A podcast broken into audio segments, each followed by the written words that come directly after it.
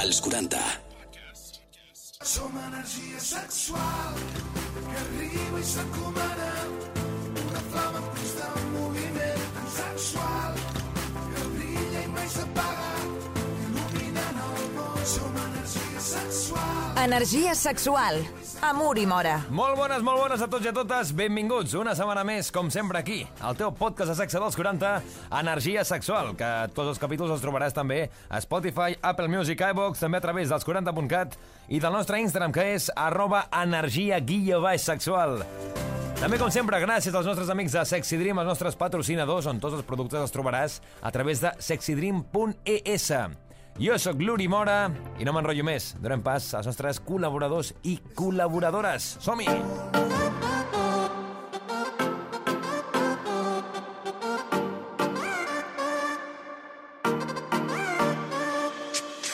Energia sexual. Ens trobaràs a Spotify, Apple Music o iVox. I sí, hi ha a qualsevol lloc també energia guió baix sexual al nostre Instagram on cada setmana publiquem els nous continguts i els nous episodis. Xènia Roset, com estàs? Com va? Què tal, Uri? Doncs amb moltes ganes de començar. Avui portem, a més a més, un tema interessant, jo crec. Sí? Et faré una pregunta, va, a veure, A veure, si la saps. vols començar ja a saco paco? A saco paco. Vinga. Què és el sexe unicorn?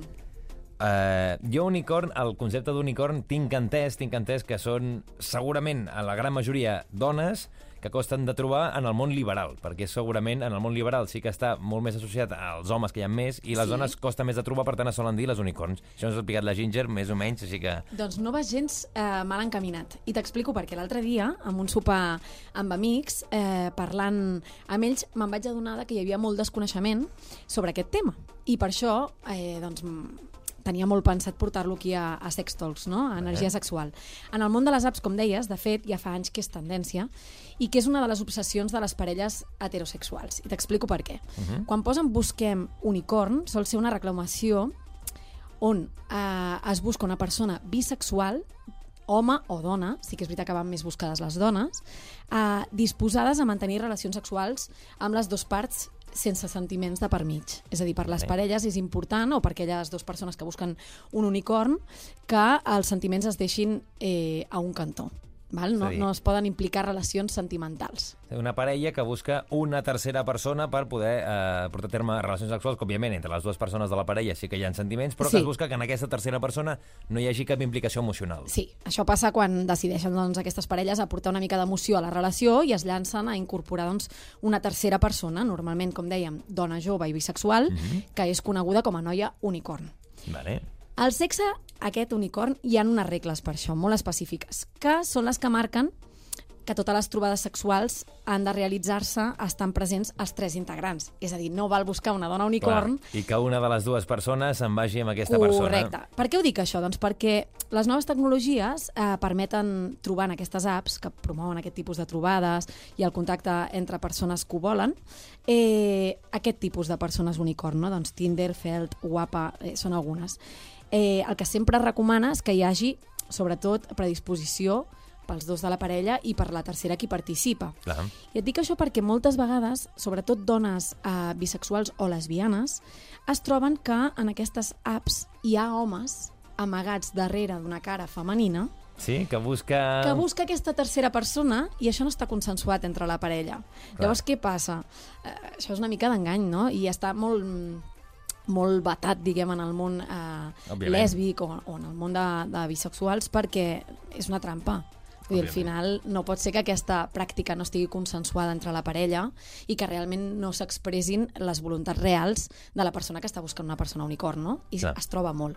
I després hi ha una altra cosa també, i és que mm, el debat surt quan eh, es planteja si aquesta pràctica la vol aquesta tercera persona, perquè ser lesbiana o ser bisexual no implica que vulguis mantenir relacions sexuals amb una parella ja formada. Òbviament, Sí t'ha no? d'agradar també la persona, has d'estar amb ganes, que això no vol dir, vinga, pa'lante. No, no, no. Correcte. Llavors, eh, bueno, s'ha d'anar una mica en compte, Mhm. mirar bé què és el que vol aquesta tercera persona. El que sempre es recomana, per exemple, és no fer aquest tipus de proposicions si l'altra persona o parella no ho busca, saps? Home, Vull dir, això, ho has de tenir molt Vull dir, clar. Primer, abans d'obrir aquesta, aquest front de buscar una tercera persona per tenir relacions sexuals dins d'una parella, has d'estar d'acord amb la parella, si no és que malament. Ja, Malament, Ja, és ja no- ja no surt. I és començar amb el peu esquerre directament. Correcte. I després, per què el concepte unicorn, no? Perquè hi ha molta gent que diu, i per què se'ls hi posa aquest nom? Jo crec que més o menys ho tinc entès, això. Però A veure, digue-m'ho. Clar, que l'unicorn en la mitologia és Sí. sí. un animal que costa moltíssim, vull dir que, clar, eh, que costava moltíssim de trobar un eh, cavall amb, un, amb una còrnia, amb un, Sí, amb un sí, cuerno.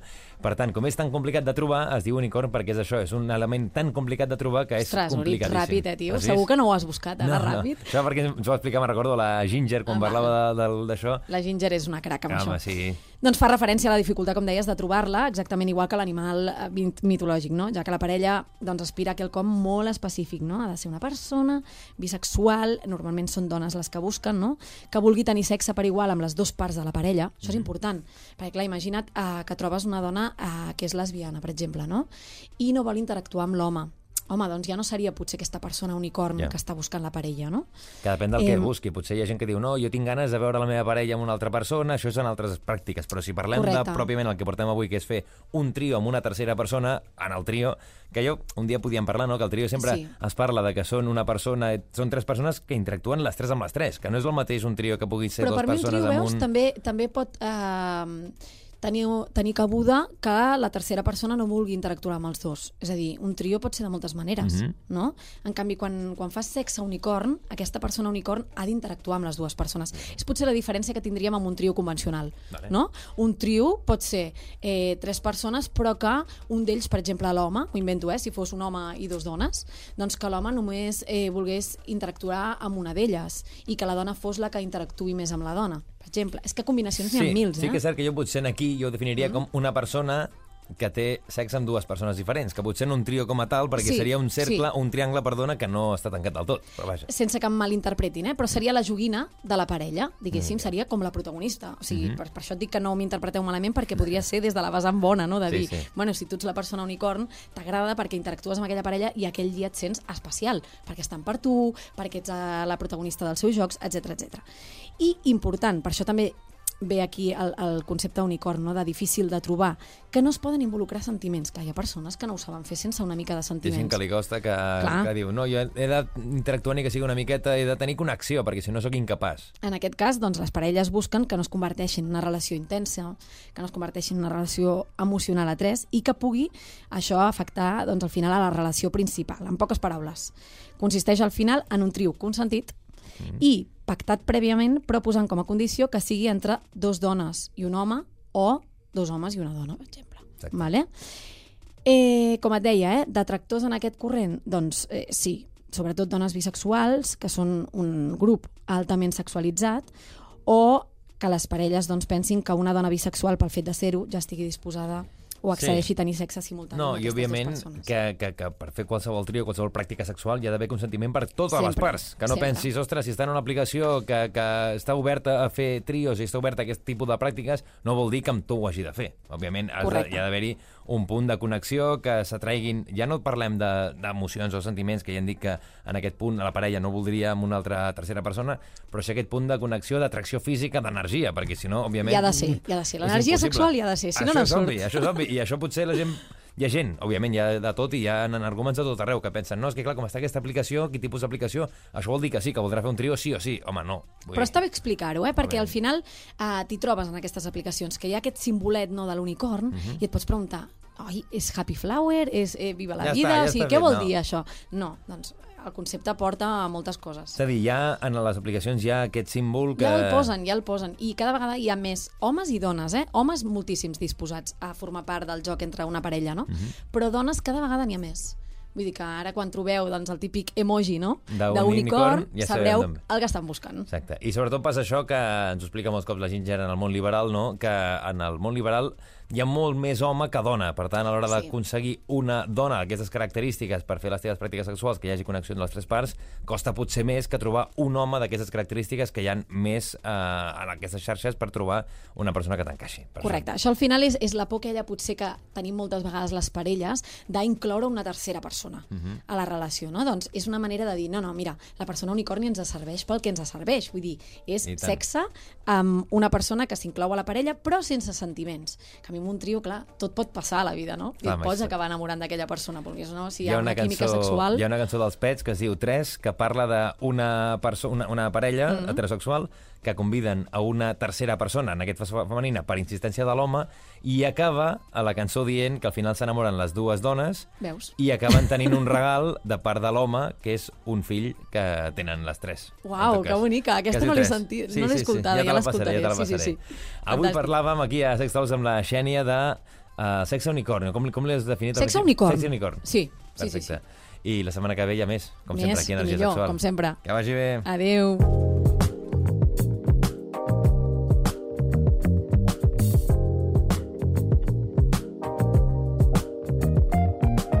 Energia sexual, un podcast dels 40. I sempre amb els nostres amics a la mà, els nostres amics de sexydream.es, la nostra botiga virtual on trobes qualsevol tipus de producte sexual. També molts dels que ens venen a presentar cada setmana aquí el Guillem Riera, que com estàs, Guillem?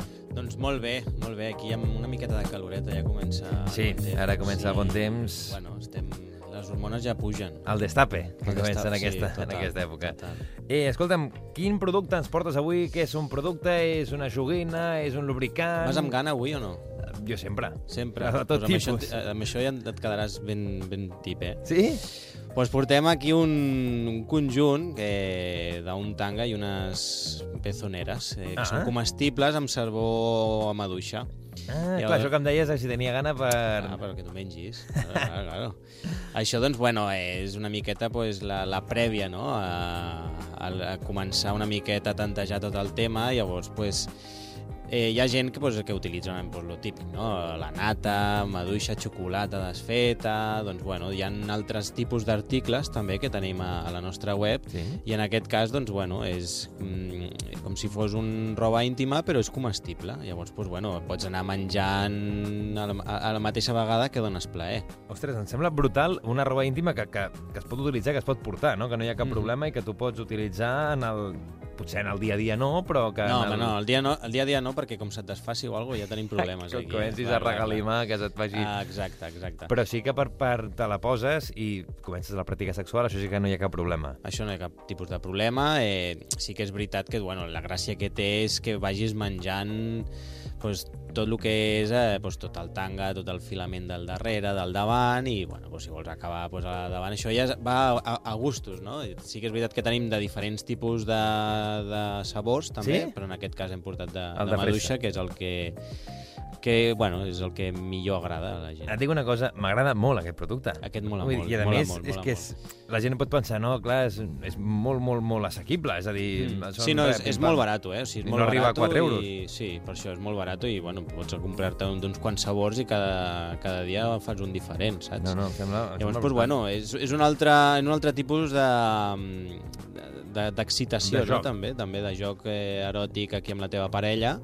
i bueno, que hi ha tant de noi com de noia, o sigui, això és, és obert a tothom. Sí, no, em sembla brutal. Aquesta... Avui ens portes aquest tanga i dos pezoneres més destinat a, potser, a a femenina, noies, a però noies. si entreu a la nostra web veureu que hi ha de tot tipus, també hi ha per, per nois i, bueno, això és un, un sinfín.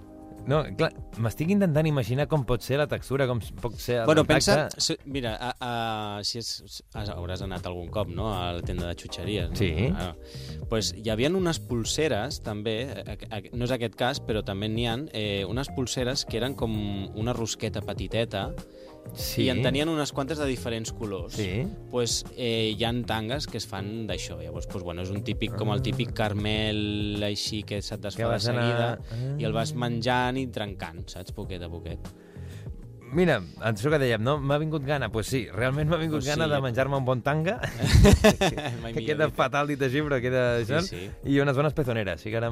ara va, Està bé, està bé, home. Jo, és, és una cosa que jo, jo l'he provat i m'ha- o sigui, m'agrada molt i, i a part és això, que dones joc també, doncs mira, si tu vols comprar per la teva parella i un altre per tu, doncs mira, us complementeu aquí, No, no, brutal. aneu sense dinar o sopar i, I cap a dins. o cap al postre i cap a I dins, tu.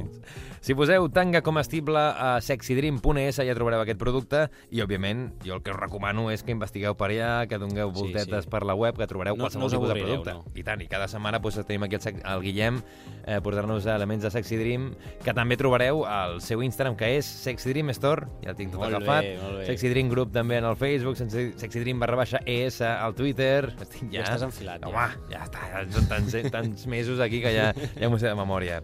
I, pues, cada setmana, pues, un nou producte. La setmana que ve més. Més i millor. No sé si ens vols avançar alguna coseta, algun detallet. És per nois, per Nois. nois, eh, bastant real. Molt bé, doncs tenim ganes de descobrir-lo. que vagi molt bé, Guillem. Igualment, Uri. Som energia sexual que arriba i s'encomana una flama en constant moviment tan sexual que brilla i mai s'apaga il·luminant el món. Som energia sexual. Energia sexual. Amor i mora. Família, ha sigut un plaer acompanyar-vos en aquest nou episodi, nou capítol d'Energia Sexual, que espero que hagueu gaudit tant com nosaltres, preparant-lo per tu. I avui amb la Xènia Roset parlant-nos del sexe unicorn i dels unicorns, que també hem parlat moltes vegades amb la Ginger. I també gràcies als amics de Sexy Dream, els nostres patrocinadors, que avui ens han portat un tanga comestible i unes pezoneres comestibles que jo ja tinc moltes ganes de provar.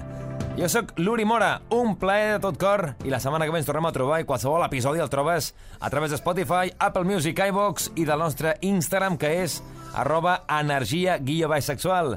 Adéu-siau, fins la propera setmana, sigueu bons! Energia sexual. Subscriu't al nostre podcast i descobreix més programes i contingut exclusiu accedint als 40podcast a los40.com i als 40.cat i a l'app dels 40.